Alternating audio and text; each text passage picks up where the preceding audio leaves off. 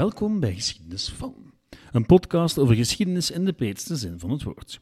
Vandaag stel ik het nieuwe concept van de podcast voor en geef ik al wat weg wat de eerste tien afleveringen van de podcast precies zullen inhouden. Dat en meer in deze State of the Podcast.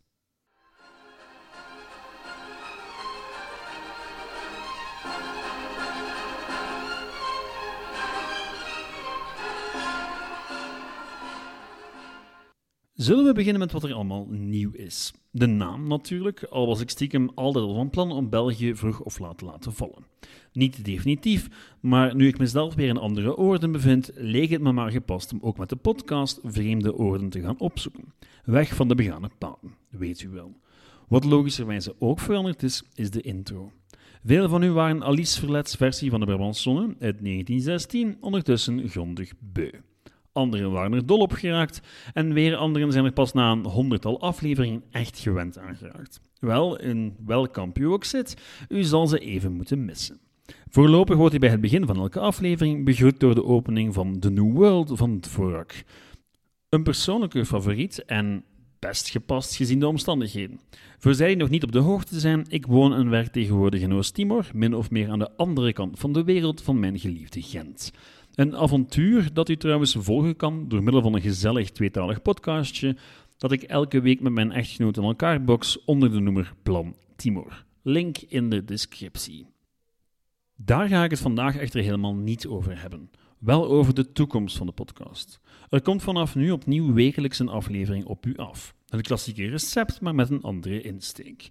Een aflevering van plus minus 20 minuten geüpload op zondagochtend, zoals vroeger, maar Waarover dan wel, als het niet meer gaat over Belgische geschiedenis? Wel, ik heb voor de komende twee jaar vier verschillende soorten afleveringen bedacht. Wat nationale geschiedenis betreft, ga ik op zoek naar het waarom van een land. Dan is er wat persoonsgeschiedenis, een focus op al dan niet belangrijke jaartallen uit de geschiedenis en aflevering over op het eerste zicht alledaagse voorwerpen waar een uiterst boeiende geschiedenis achter schuil gaat. Wat ik vandaag al kan meegeven is het plan van nu tot een tiental afleveringen verder. Zes afleveringen over het waarom van Turkije, één of twee afleveringen over Alexander de al dan niet grote, en één aflevering over koffie en één of twee over het jaar 467. Beter bekend als het jaar van de val van het Romeinse Rijk. En verderop in 2023, wel, dat hoort u nog wel. Ik ben nog niet helemaal zeker in welke volgorde u deze aflevering te horen zult krijgen, maar tja, dat zullen we dan nog wel merken. Verder onderwerpen die nog in de aanbieding zijn, zijn afleveringen over Oost-Timor zelf, over Indonesië, over Zwitserland, maar ook bijvoorbeeld over kaas, over horloges en nog veel meer. Um, suggesties zijn absoluut welkom. Ik bedenk heel graag nieuwe concepten, nieuwe ideeën, maar de beste ideeën komen vaak gewoon van jullie. Bedankt om zoveel geduld uit te oefenen en ik hoop dat jullie de nieuwe content een kans geven. Het is niet makkelijk om weer volledig nieuwe dingen te verzinnen, maar ik doe het ongelooflijk graag en ik deel het ook ongelooflijk graag met jullie. Deel het alsjeblieft ook met andere mensen die erin geïnteresseerd zouden kunnen zijn.